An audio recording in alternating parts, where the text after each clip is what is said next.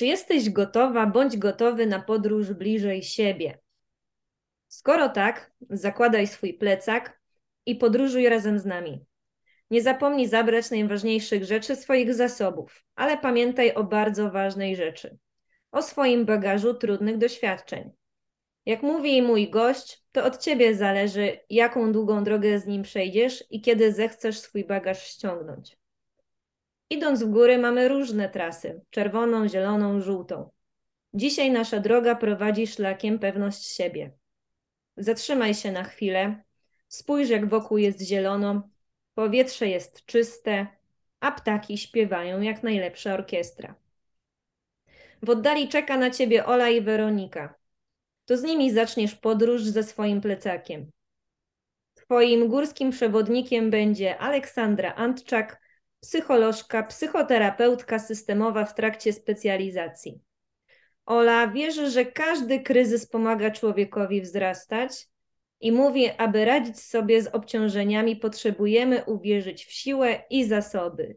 Dzień dobry bardzo. Dzień dobry bardzo. Ale piękny wstęp. Aż się zarumieniłam. To dobrze. No dobrze, Olu, pewność siebie, temat, który y, dotyka każdego z nas na różnych etapach życia. W sumie jak z tą stratą, co ostatnio poruszałyśmy, też tak ważne zagadnienie pewność siebie. Co to znaczy być pewnym siebie? Dobre pytanie. Jest sobie, myślę, wiesz, no, tak jak, no nie ma takiej jednej definicji na temat pewności siebie pewny siebie, no to rozumiem, że to jest taka osoba, która czuje się dobrze sama ze sobą. Czuje się dobrze, wiesz, tu i teraz, która siebie lubi, która nie mówi sobie na wstępie, yy, wiesz, jakichś takich, yy, nie krytykuje się w jakiś sposób na samym wstępie, na dzień dobry, nie? To jest taka osoba, która no można powiedzieć, że czuje się dobrze w samym w swoim ciele, sam ze sobą, lubi spędzać czas sam ze sobą. Tak mm. bym chyba widziała pewność siebie.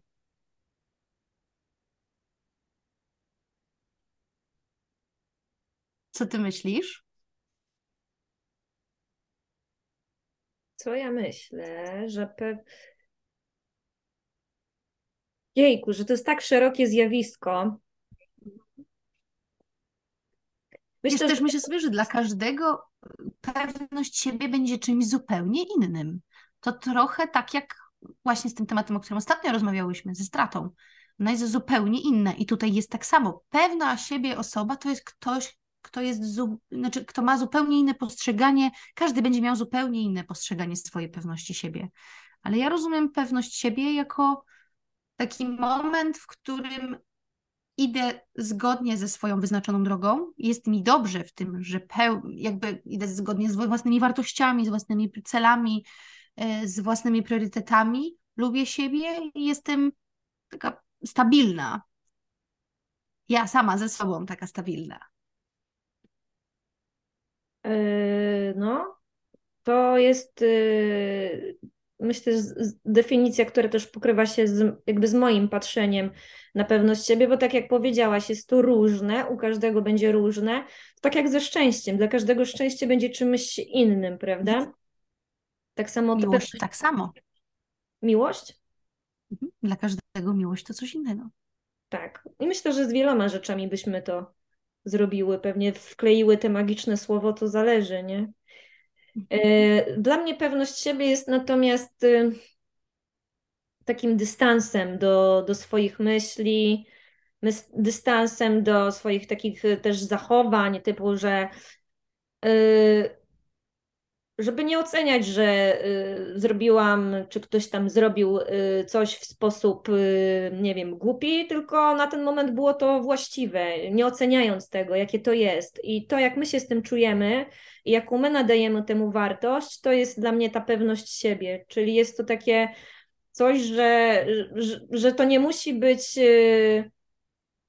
nie wiadomo jak emanujące na zewnątrz, to jest w środku i to jest nasze interpretowanie y, jakby naszych zachowań, ale nie w sposób taki dosłowny, tylko taki, że mi jest z tym dobrze. Nawet jak ktoś pomyśli, że byłoby to głupie zachowanie, dla mnie to jest w porządku, bo to jestem ja. To jest takie w pełni bycie sobą i zaufanie do siebie, y, do swoich myśli, lubienie siebie. Y, I, i czasami, jak się coś spieprzy, to i tak y, pozwolenie sobie na to, że się to spieprzyło, i, i, i to jest dla mnie, to jest dla mnie taka pewność siebie. Mhm.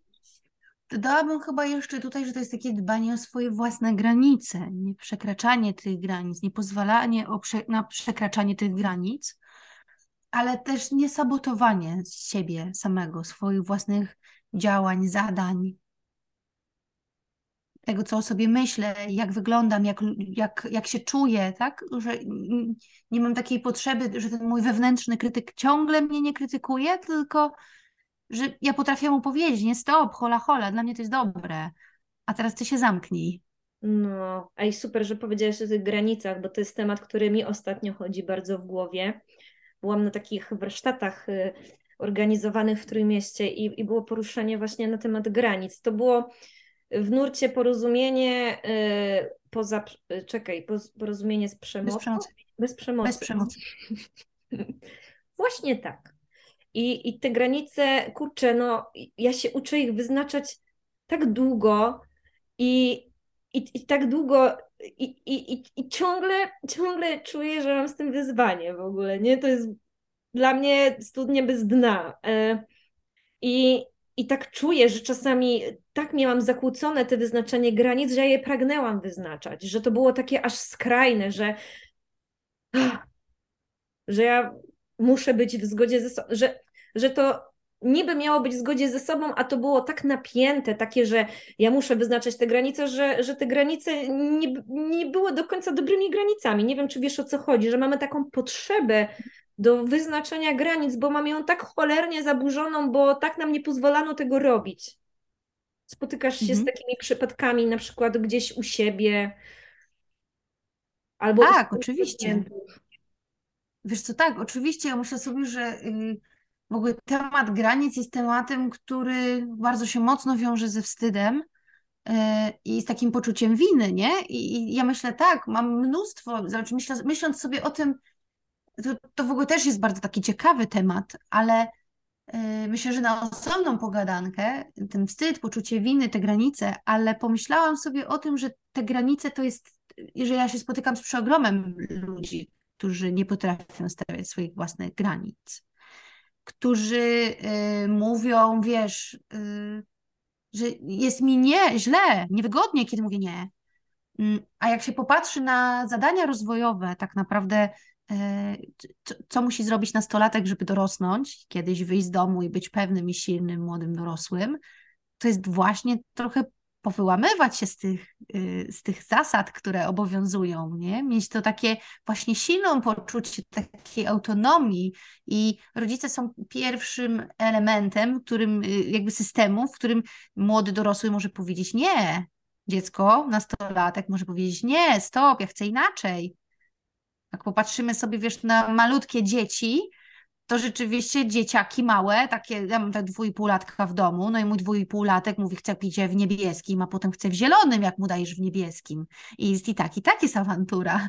I sobie myślę, że to jest taki moment, w którym no właśnie, dzieciaki to potrafią, potrafią mówić nie, kiedy czegoś nie chcą, potrafią mówić nie, kiedy mają jakąś potrzebę. Wiadomo, że dzieciak, mózg dziecięcy jest jeszcze nie do końca rozwinięty w taki sposób, by było świadome w stanie kontrolować siebie, ale w tym obszarze myślę sobie, że dzieci to mają. Tymczasem później zobacz, jest tak, y, dzieci idąc na przykład do systemu szkolnego, dzieci walczą o swoje, mm, ale co, się, co robi system? Upycha je, wiesz, w szablon.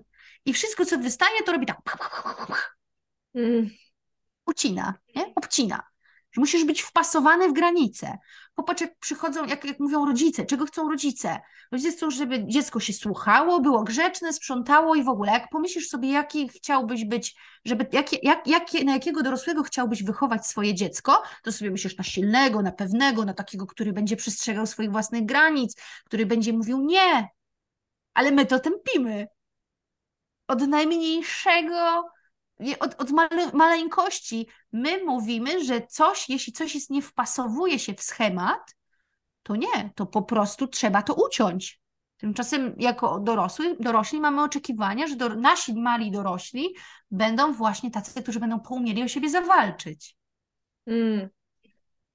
Tak dorosły często traktuje swoje dziecko, czyli znaczy nie mówię, że wszyscy, ale w taki sposób, że ja dorosły wiem lepiej, e, a ty dzieci i ryby głosu nie mają, więc y, albo się przystosujesz, albo y, dostaniesz y, naganę słowną, bo klapsów już nie można.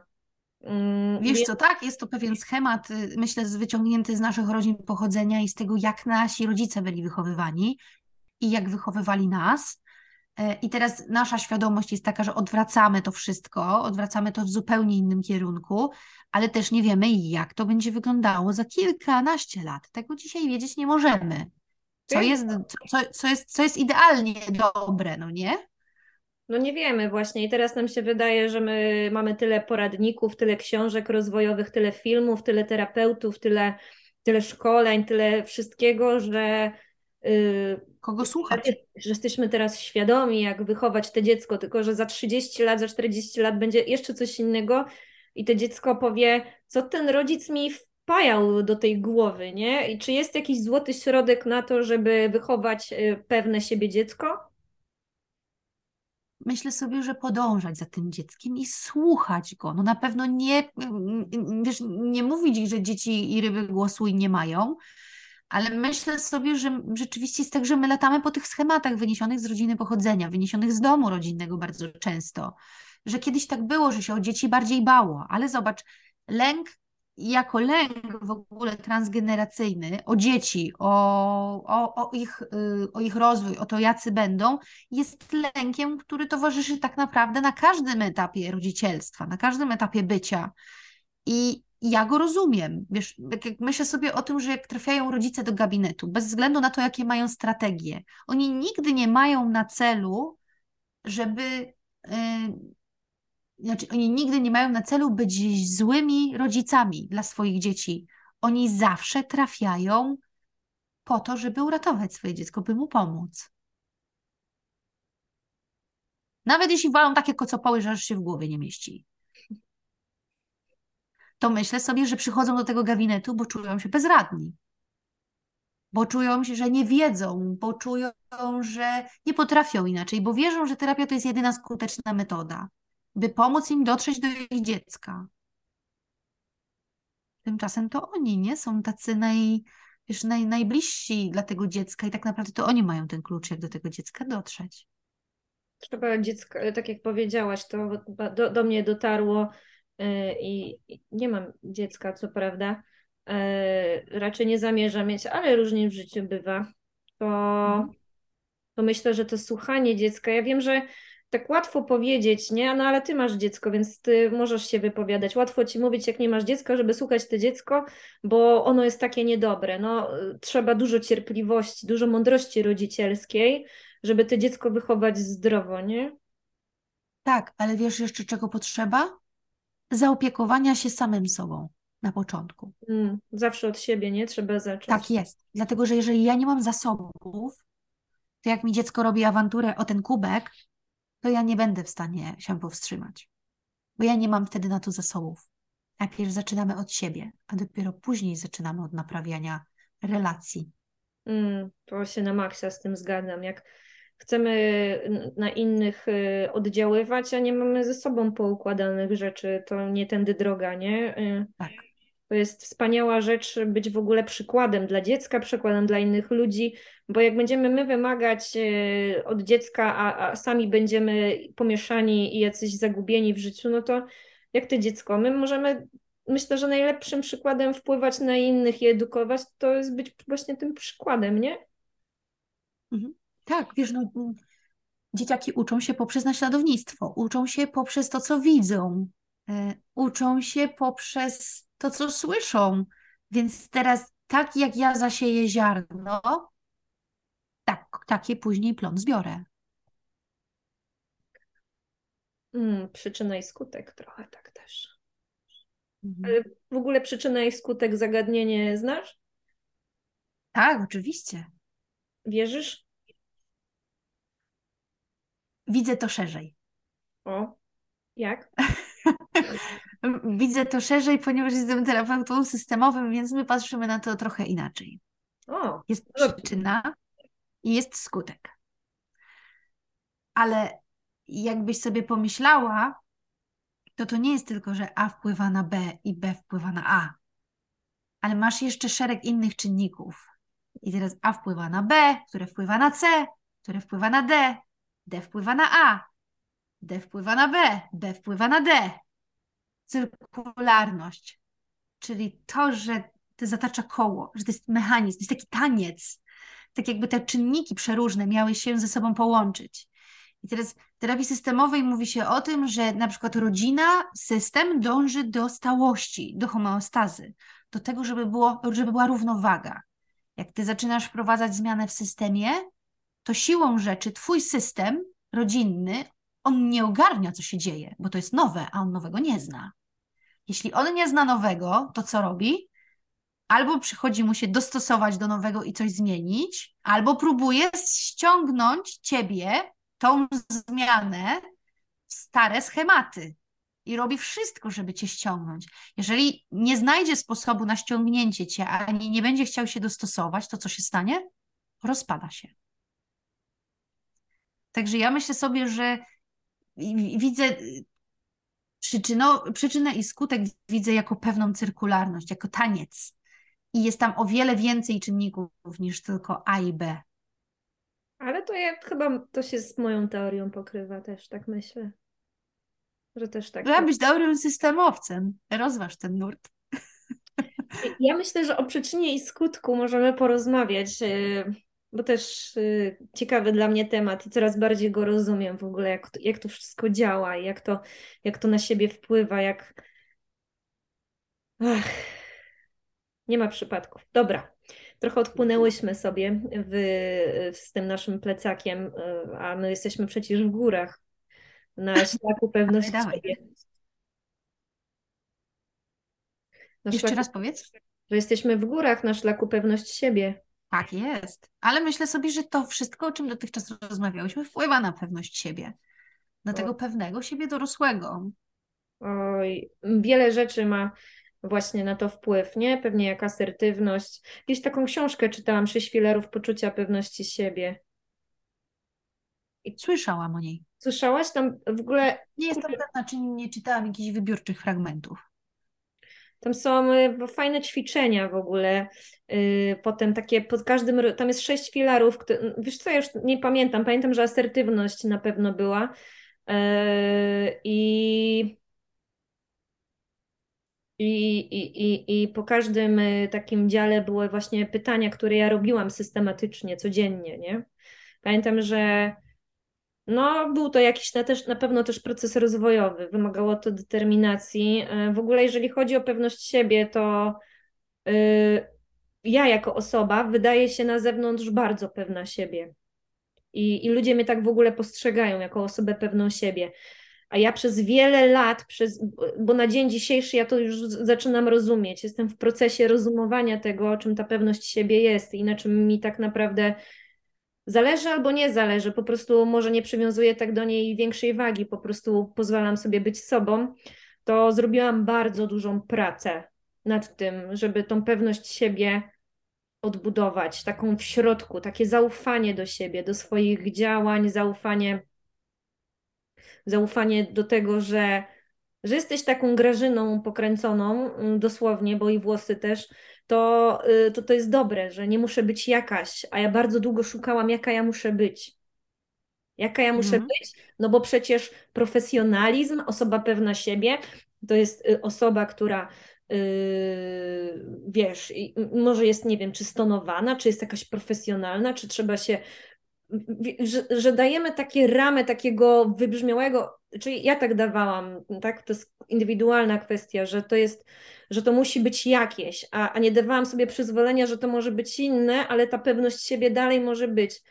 E, I, I dalej jakby gdzieś to wraca do mnie, nie? Bo w ogóle proces to jest taki, że to nie jest, że my jesteśmy już na zawsze ułożeni i w pewnym momencie jesteśmy na tym szczycie, tacy zadowoleni, że już jesteśmy już kurwa szczęśliwi na maksa, tylko czasami to y, y, wraca, nie? Wraca, wraca. Trochę robimy kroki w tył po to, żeby jeszcze wyjść wyżej. I ja czasami też się trochę cofam, ale daję sobie pozwolenie na to i trochę przyglądam tym myślom, czego to się może brać i co to jest.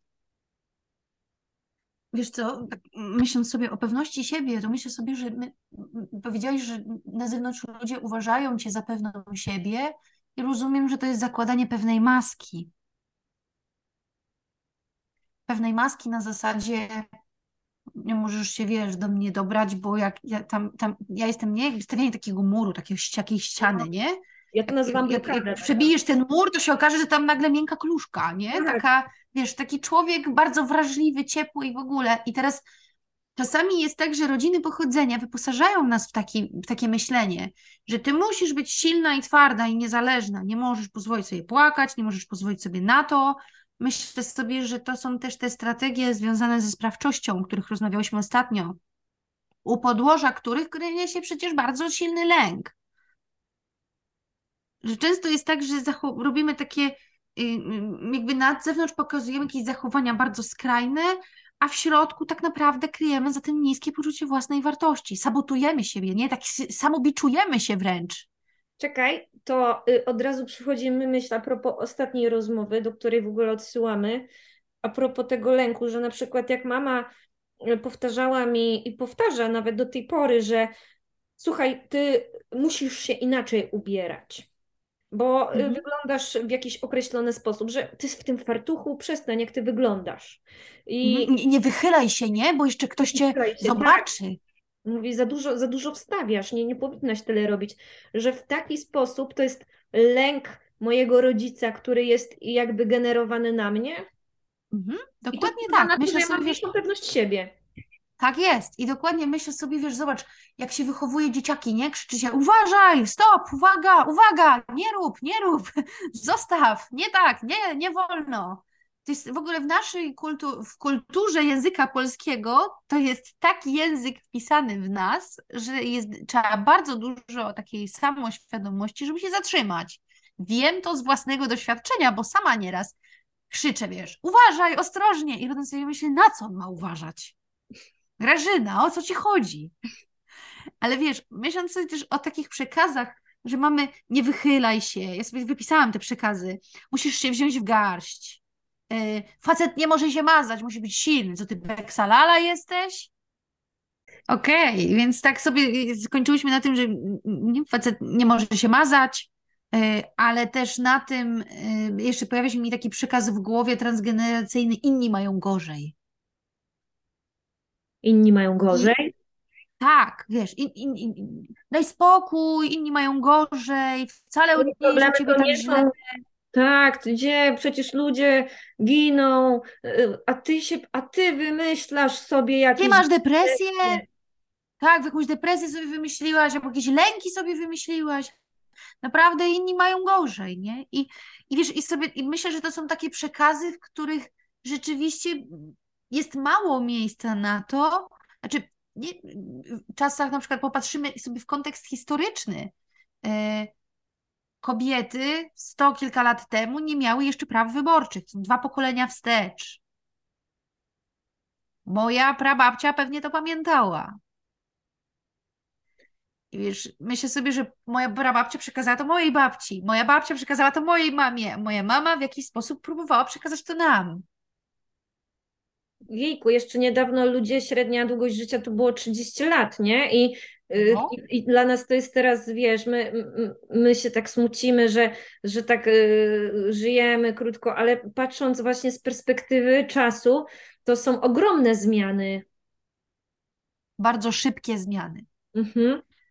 Myślę sobie, że ogromne i bardzo szybkie. I to, co się teraz dzieje w, w, w, współcześnie, y, że jest tyle jakby trudności, ja nie mam kawki, bo ja dzisiaj w gabinecie, tutaj no nie właśnie, mam espresso mego. Ale mamy takie same paznokcie fioletowe. A, widzisz. Nim fioletowe paznokcie. E, więc ja sobie tak myślę o tym, że jakby popatrzeć na te przekazy, to one mają niewątpliwie przeogromne przełożenie. Poza tym czasy wojenne to były takie czasy, nie wychylaj, tam się walczyło przetrwanie, prawda? Nie wychylaj się. I później te osoby, które pamiętają, których gdzieś rodziny poginęły, bliscy, rodzice, bracia poginęli na wojnie, to są takie osoby, które później tego lęku mają w sobie bardzo dużo i przenoszą ten lęk, a ten lęk w jakiś sposób sprawia, że tej pewności siebie nie ma. Ale czemu nie wychylaj myślę sobie... Czemu taki komunikat? Czemu taki komunikat nie wychylaj się?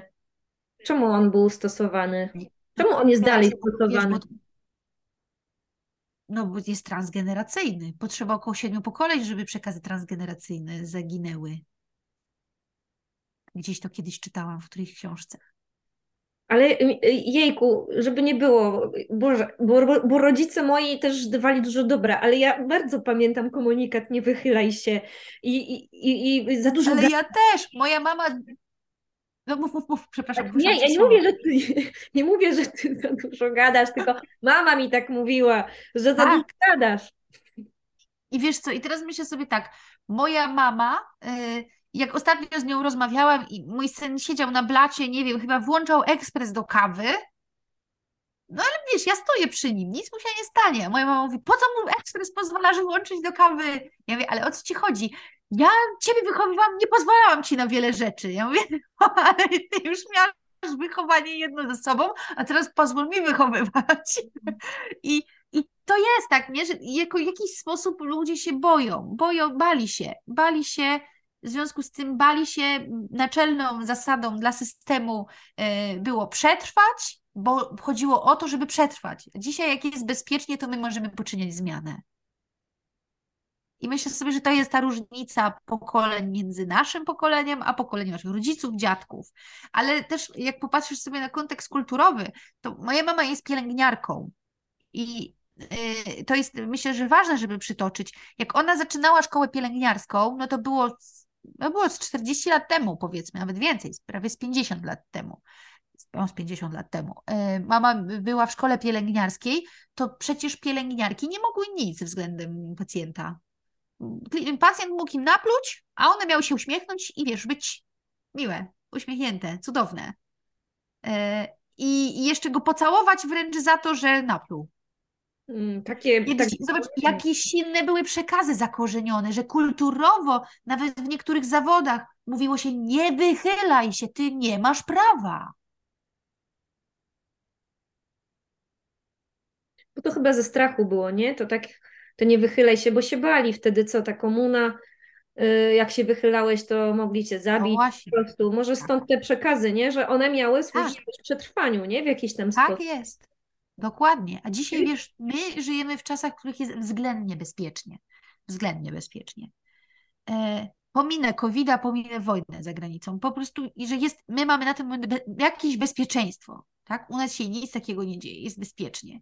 I jeżeli teraz jest względnie bezpiecznie, to my możemy poczyniać zmianę. Mm -hmm. jako młode pokolenie możemy spojrzeć na coś zupełnie inaczej. Możemy zechcieć, możemy się doedukować, możemy zmienić, możemy mieć tą wiedzę, tak? Możemy y, to spróbować zastosować się do tego wszystkiego, co gdzieś tam nam przychodzi do głowy, jak chcemy, podążać za swoim. I wiesz, mówi się, że, jest, jest że czasami się tak mówi o czarnych owcach, nie? Czarne owce. Ale ja sobie myślę, że to, to, to nie jest tak, że my mamy czarne owce rodziny, tylko to są właśnie osoby, które w jakiś sposób zaczynają zmianę, po to, żeby rodziny mogły się też rozwijać, żeby system mógł poczyniać zmianę, nie tylko jednostka. Bo jeśli ty się zmieniasz, to twoja rodzina siłą rzeczy też się jakoś musi zmienić. Czarne owce są odważne. No. Pytanie, czy one są czarne? Czy nie jakieś złote, albo tęczowe, tak albo yy, wiesz, najpiękniejszych odcieniach, nie? Które, które, które przychodzą ci do głowy. O, ale to, co żeś powiedziała, to jest piękne, bo myślę, że nas takie czarne owce mogą słuchać, to znaczy tęczowe czy złote, ale mogą tak po prostu taką etykietę słyszeć, nie? I mogą no. sobie teraz pomyśleć, że, że jesteście wspaniałymi owcami, złotymi. Tak jest. A te owce, które często są uważane za czarne, to właśnie są te owce, które tak naprawdę w sobie nie mają tej pewności siebie. Owce Nie czarne. mają. Tak. Wiesz, bo są cały czas słyszą od rodziny, od y, otoczenia, że tak nie powinny, tak nie, tak jest źle, tak niedobrze, ym, że powinny się dostosować, zachowywać, inaczej ubierać. Yy, jak to ty nie przyjeżdżasz na niedzielny obiad? Wychylasz się, wyłamujesz, nie kochasz nas.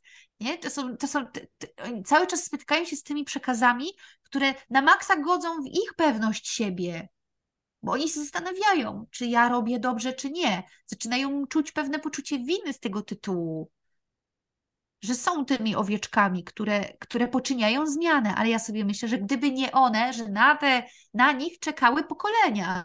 No, Czekało pokolenie dziadka, pradziadka, który był w obszarze wojny. Wiesz co? Bo ja byłam taką czarną owcą. No. Kurde. I ty mówisz, że miałaś maskę, nie? Taką, że wszyscy myśleli, że Ja. jesteś pewna siebie, a wewnętrznie No. nie. To czarna owca, która zaczęła powoli y, się przefarbowywać. I Mhm. y, musiała się y, trochę zidentyfikować z nowym kolorem z czasem. I tam ta maska przysłowiowa to jest trochę ten czarny kolor, który trzeba było ściągać powoli. Ale to było ciężkie w ogóle żyć z tą maską. Matko, ja, jejku, ja, ja już nie, nie, to było bardzo ciężkie. Oj, ale wiesz co, gdyby nie ta maska, to ja może nie byłabym tu, gdzie teraz jestem i bym nie nagrywała z tobą tego podcastu. Na pewno. I Ja w szkole byłam bardzo płaczliwym dzieckiem. E, To było tak, że w klasach 1-3 ja wiecznie stałam za drzwiami, gdzieś zapłakana, bo ktoś mnie pocisnął. Wiesz, zwrócił uwagę, powiedział, byłam zawsze malutka, mniejsza niż swoje otoczenie i byłam bardzo wrażliwym dzieckiem, takim płaczliwym, płaczącym. I pamiętam taki jeden dzień, kiedy moja mama przyszła do szkoły i była już tak wkurzona, że ja znowu staję za, stoję za drzwiami gdzieś w kącie i po prostu samotnie płaczę.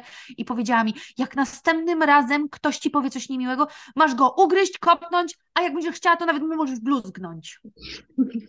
Zrobiłaś to? Przyznaj się. Zrobiłaś to? Nie, nie zrobiłam tego, ale sama świadomość, że mogłam, było czymś, czymś co było uzdrawiające. I pomogło jakby spojrzeć na to, że mogę, mogę inaczej, nie?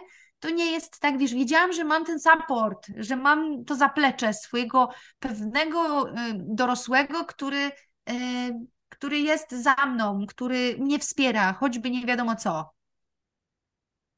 Zresztą tak uważam, że tak, taka, taka jest moja mama, że ona i wspiera i mnie, i mojego brata, że jest, że jest bardzo wspierającą osobą. to skarb. Mieć mamę wspierającą i tatę. Aczkolwiek swoje błędy też popełniła. O jasne, ja Ja tak mamusia. pewnie, no kurczę, każda mamusia i teraz te mamusie, moje mamusie też, moja mamusia, bo mam jedną, e, ale y, kurde, no, niesamowita rzecz jest w ogóle to y, z czasem w ogóle wybaczyć, ale tak naprawdę wybaczyć, bo ja myślałam, że kiedyś wybaczyłam, ale i też dużo dobrego dała, to takie, to jest takie kurczę, taka No. Taka mieszanka, nie? Że dużo dobrego, ale też czasami nieświadomie, no bo oni nie wiedzieli, to tak jak mówiłyśmy, żyli, żyli w tym pokoleniu, nie wychylaj się i jak oni mieli wiedzieć, że mogli inaczej? Czemu mamy ich teraz winić za to, że oni żyli w jakichś przekonaniach? No kurczę, oni nie wiedzieli, staram się tak na nich patrzeć. Właśnie, wiesz co, ja sobie myślę o tym, że nie musimy się godzić z tym, że tak było. Nie musimy mówić sobie, y, rozumiem, nie musimy wybaczać, nie? Ale dopuszczenie do siebie innej narracji i opowieści, dlaczego tak jest, znalezienie tego alternatywnego wytłumaczenia, dlaczego tak jest, jest uzdrawiające. To jest zmiana perspektywy, to jest spojrzenie na coś z lotu ptaka, z zupełnie innej perspektywy. Kiedy jestem w silnych emocjach, kiedy jestem wzburzona, kiedy zadaję sobie pytanie, dlaczego mi się to przydarzyło, dlaczego mi? Przecież to jest obwiniające pytanie. Dlaczego mi? Dlaczego oni mi to zrobili? Ale jak spróbuję sobie odpowiedzieć na pytanie, po co mi się to przydarzyło, no to odzyskuję znowu to sprawstwo, o którym też rozmawiałyśmy ostatnio. I, Czyli wiesz, I myślę sobie, że i- i kiedyś usłyszałam takie bardzo mądre słowa od jednego z, ze znajomych, który powiedział, że pierwsze 20 czy 30 lat swojego życia spędził na szukaniu odpowiedzi dlaczego. go to spotkało. Nie znalazł na to odpowiedzi. Kolejne 30 spędził, czy tam 20 spędził na 20, spędził na odpowie- próbie, próbie szukania odpowiedzi, po co mi się to przydarzyło.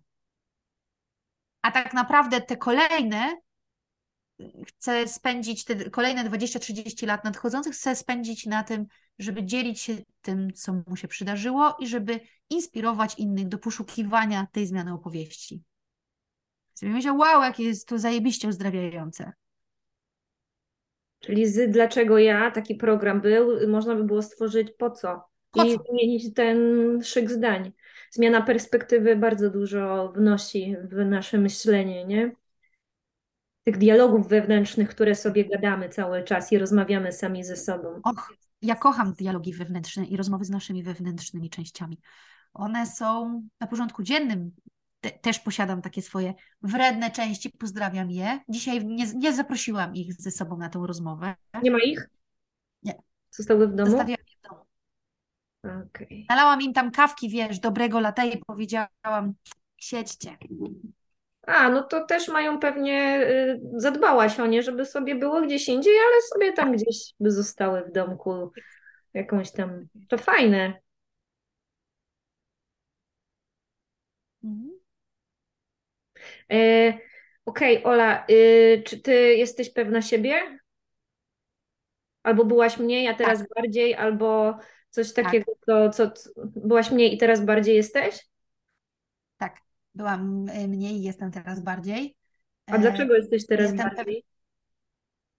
To jest dużo pracy, którą wykonałam sama nad sobą, nad y, zmianą perspektywy, nad uzdrowieniem tych poranionych części, nad y, opowieścią, swoją własną opowieścią rodzinną, która gdzieś bardzo mocno się zmieniła i nad tą narracją, która kiedyś była, y, a, a dzisiaj jest w mojej głowie.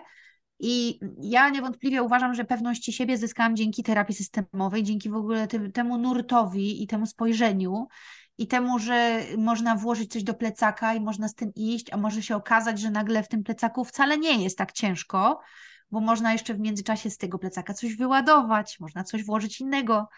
E, Wierzę też, że każdy kryzys jest jakąś, jakąś siłą i mobilizacją do rozwoju. Sama w swoim życiu miałam wiele kryzysów naprawdę bardzo dużo. E, I myślę, że jako rodzina i, i jako indywidualna jednostka miałam wiele kryzysów i każdy z tych kryzysów mnie czegoś nauczył. I dzisiaj wiem, że jestem w dobrym miejscu. E, Wiem, że jestem w dobrym miejscu, wiem, że to, że poświęciłam się w jakiś sposób psychologii, psychoterapii, to jest ta droga, której bym nie mogła osiągnąć, gdyby, gdyby mi się pewne kryzysy w życiu nie przydarzyły. I to były też pewnie kryzysy takie wynikające z trochę z braku pewności siebie. Pewność siebie taka podstawa, nie? Taka, taki No basic. tak, ale myślę sobie, że tożsamościowo nastolatek nie jest pewny siebie. Nie, zna, nie znam nastolatka, który powiedziałby: Lubię siebie, jestem pewny siebie. Że my się z tym układamy, z tym zagadnieniem układamy się przez całe życie. Jak zadaję to pytanie w gabinecie moim nastolatkom, którzy do mnie przychodzą, to jeszcze nigdy nie usłyszałam, że tak, lubię siebie. Raczej słyszę, no trochę siebie lubię, ale raczej siebie nie lubię. No dobra, u nastolatków nie słyszałaś, a czy u dorosłych słyszałaś? Rzadko. Że ktoś przychodzi i mówi: dobry, y, pani psychoterapeutka odpowiada, mm, pani Olu, Pani Olu, lubię siebie. I dlatego u pani jestem, lubię siebie.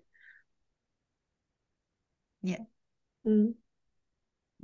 Żaden z moich y, klientów w gabinecie przez ostatnie 7, prawie to będzie ósmy rok, jak pracuję w zawodzie, nie powiedział: Cześć, jestem pewny siebie.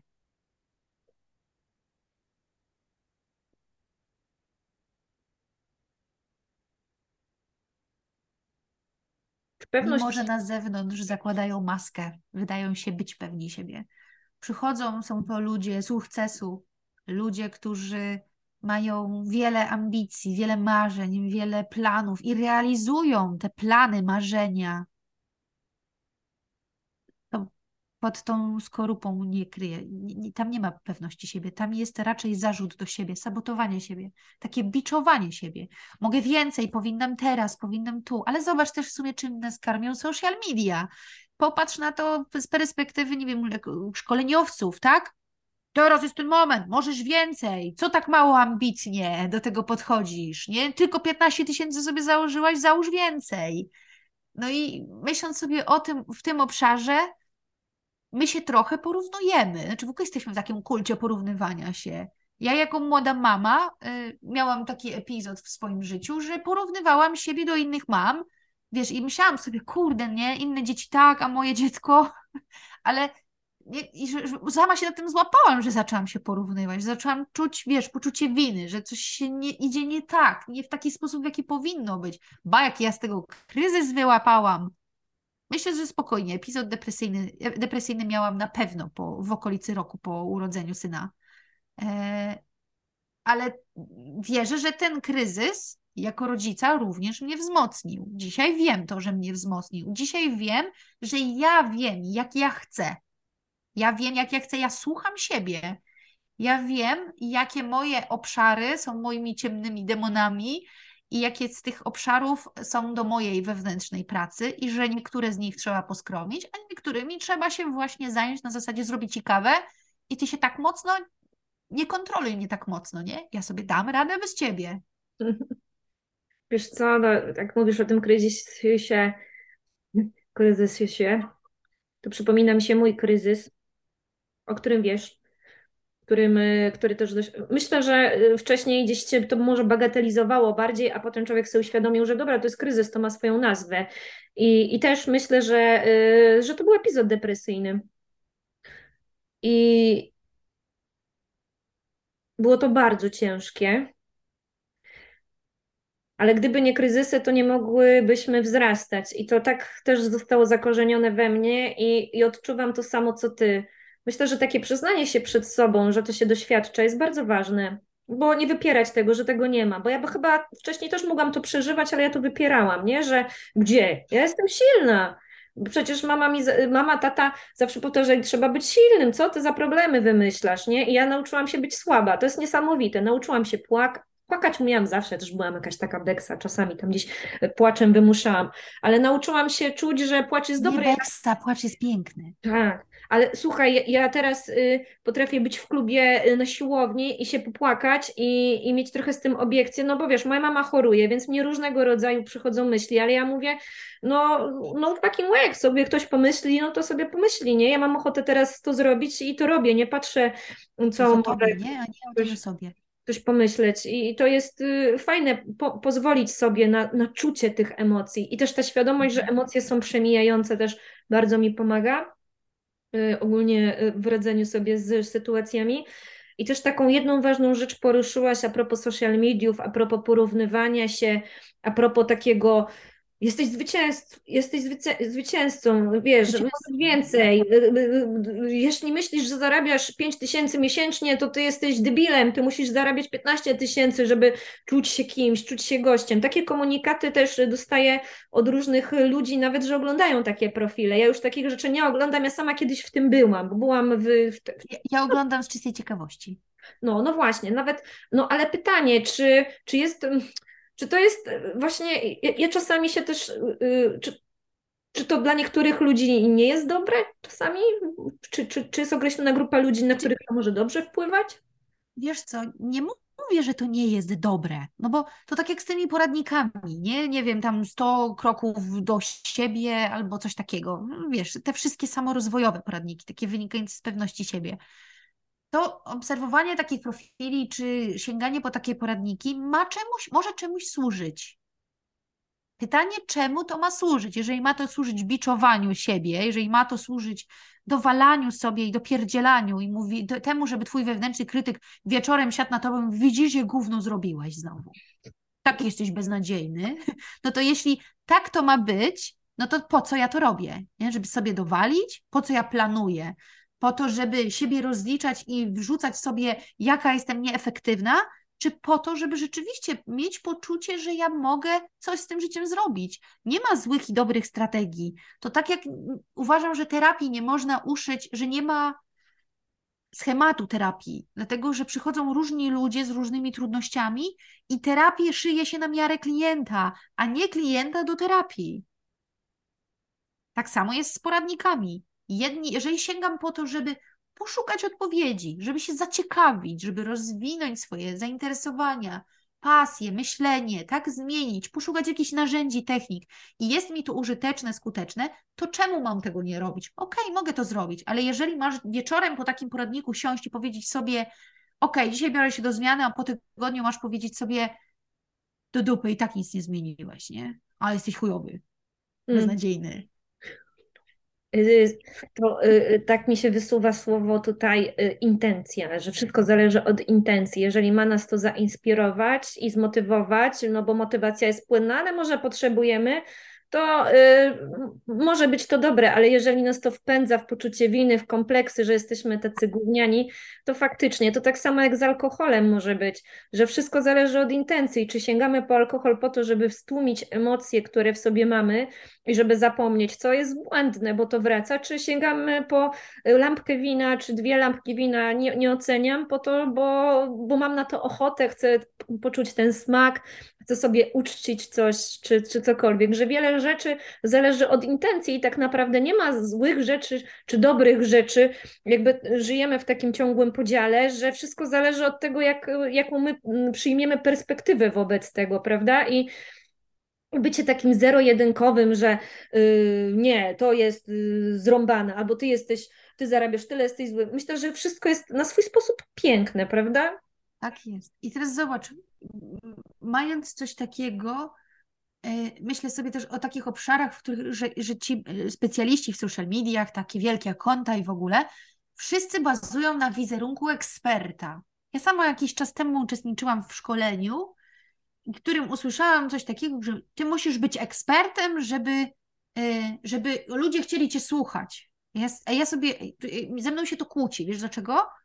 Bo ja w terapii systemowej nie biorę odpowiedzialności za to, co się dzieje w terapii, za to, co robi klient. Klient do mnie przychodzi, opowiada mi o czymś, mówi mi o swoich trudnościach i razem z nim świecę latarką w różne strony, ale to on decyduje, kiedy otworzy drzwi. On ma klucze do tych drzwi. I teraz no, nie ma jednej gotowej ja odpowiedzi mam... na wszystko. Tak, czy ja mam zostawić y, tego faceta? nie powie tak. mi pani, co ja mam robić, że nie, bio... tak. nie, biorą ludzie odpowiedzialności, to jest bardzo y, myślę, że, że, że, terapeuta dobry tak powinien podchodzić, nie? W taki sposób świecić sobie myślę. powiedziałaś. Ale wiesz, wiele razy jesteśmy zapraszani jako terapeuci do tego, żeby wziąć tą odpowiedzialność. Na Instagramie, kiedy zatworzyłam sobie ten swój profil psychoterapeutka odpowiada, no to ja tam rzeczywiście często rozmawiam z ludźmi i często trafiają do mnie takie pytania. Ale kto mnie obserwuje, ten wie, że ja zostawiam otwartą głowę. Ja staram się zadawać otwarte pytania do refleksji, do analizy, do przemyśleń.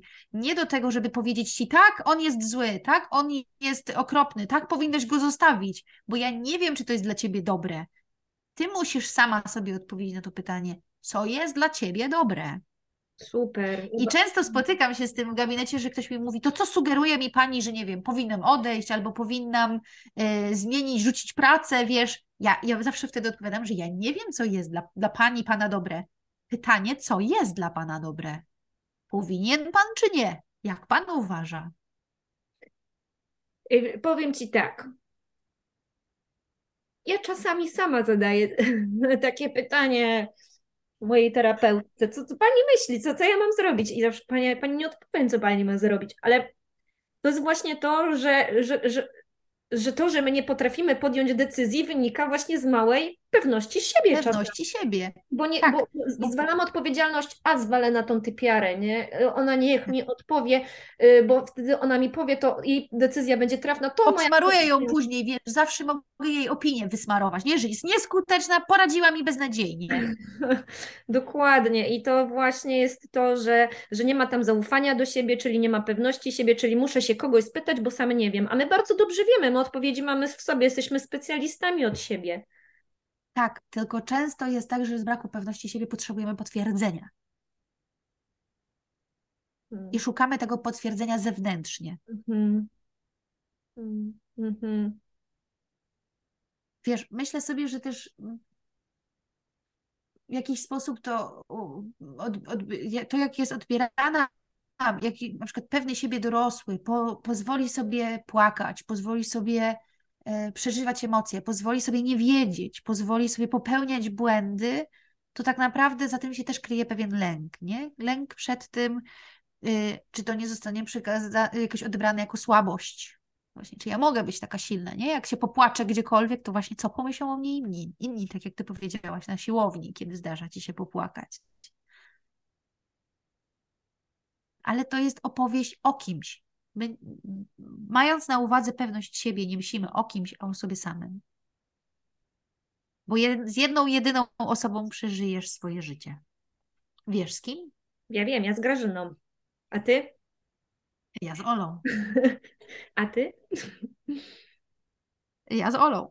Ja wiem, że ty, ale pytam się naszych słuchaczy, z kim przeżyją całe no życie. właśnie. Wiesz co? Jej, w ogóle przypomniała mi się maska, którą zakładałam kiedyś. Yy, że uczyli mnie, pewne doświadczenie, pewna organizacja uczyła mnie, żeby zawsze być pozytywnym. Co u ciebie słychać?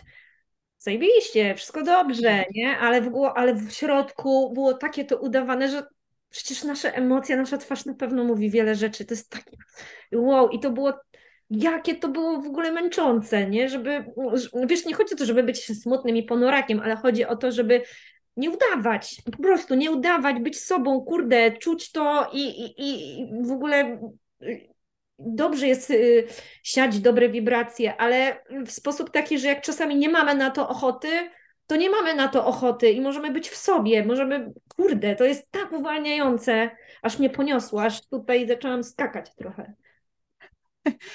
Masz rację i to jest y, na maksa takie właśnie uwalniające, że możesz być sobą, bo jak zakładasz, jest tak, coś widać i coś robisz, nie? I ja sobie myślę, że ludzie mają radar na niespójność. Mają radar na niespójność. Mamy, oczywiście, my wiele rzeczy czujemy przecież od drugiego człowieka. Widzimy, jak ktoś kłamie, jak ktoś idealizuje, jak ktoś, kurde, yy, jak nie wierzysz w to, co mówisz. Nie wiem, sprzedajesz produkt, jesteś sprzedawcą, chcesz coś sprzedać, ale wiesz, że że, że, że to nie jest. Przecież to czuć. Tak. Albo to wyjdzie. A z drugiej strony, ja jak wypuściłam y, pierwszą serię filmów na, YouTube, na YouTubie, y, bo już wyszły dwa filmy, y, to oczywiście spotkały się one z różną krytyką, ale ja sobie myślę o tym, że ja je celowo y, nagrałam je i powiedziałam, nie wypuszczę tych filmów. Powiedziałam, nie ma opcji. Źle skadrowałam, bez, beznadzieja na maksa, po prostu beznadziejnie to wyszło. A potem sobie pomyślałam, odleżały półtora miesiąca, jak myślałam sobie, a czemu mam tego nie zrobić? Słuchaj, no dzięki temu mogę się uczyć, dzięki temu mogę powalczyć z moim perfekcjonizmem, wow, dzięki temu tak. mogę powalczyć z tym, że ja, ja chciałabym, żeby właśnie, nie, że pokazać, że nie musi być tak idealnie i perfekcyjnie. My jesteśmy karmieni wszystkim, co jest idealne i perfekcyjne, ale ja mam prawo do tego, żeby wypuścić coś nieidealnego, coś takiego flow, freestyle, tak jak robimy tutaj, wiesz, zero spiny, zero wycinki, zero scenariusza, rozmowa się po prostu toczy. I ja myślę sobie, że bycie naturalnym i szczerym jest na maksa ok, a jak sobie rusz, na przykład jeżeli rzeczywiście uda mi się publikować przez rok i jak sobie wrócę do tego pierwszego filmu, na którym widać, że jestem na maksa skrępowana tym, że w ogóle muszę mówić przed kamerą, to sobie pomyślę wtedy, wow, pomyślę sobie tak, wow, ale super, że ty to wrzuciłaś. Mhm. Super, ja jestem z ciebie dumna w ogóle, jak to słyszę, tak. że, że to jest tak, ojej, to jest cudowne yy, wstawiać coś po prostu, żeby się uczyć i nawet nie jest tak, to bo, idealne. Bo to zamknąć, nie? I powiedzieć pierdziele, nie? Jest to tak beznadziejne, no to mi się nie podoba, to mi się nie podoba, to mi się nie podoba i mogłabym to zamknąć, ale zamknęłam to na półtora miesiąca i nie zebrałam się ponownie na nagranie tych filmów. I pomyślałam sobie, niech to będzie mój sufit, który muszę przebić. Fajnie, to jest bardzo rozwojowe, bo to na pewno wiele uczy, nie? Właśnie zrobienie takiego kroku, że to, oj, to też znam to, znam to. Teraz to już po prostu niech sobie leci. Przyjmie się, nie przyjmie się, spodoba się, nie spodoba się. Są różne przekonania. Ktoś powie, o, ale fajne, a ktoś powie, o, co nam. No, jesteśmy różni, kurde, nie zawsze trafimy tak, wszystkich po prostu trzeba próbować. Sprawdzam jeszcze o co pytali nasi obserwatorzy, żeby tak już domknąć nasz podcast. O, widzę takie e, pytanie, które, do którego myślę, że warto, żebyśmy się na koniec jeszcze odniosły. Czy osoba z traumą może być pewna siebie? Yy, mogę, ja mogę odpowiedzieć z swojej perspektywy, a ty możesz też tak. powiedzieć z swojej perspektywy. Nie wiem. Odpowiadaj. To zależy, czy trauma jest domknięta, czy nie. Domknięta, co to znaczy domknięta trauma? Że, może nie lubię tego słowa przepracowana, ale to czy zależy, czy ta trauma re, ma realny wpływ na życie tu i teraz, czy nie.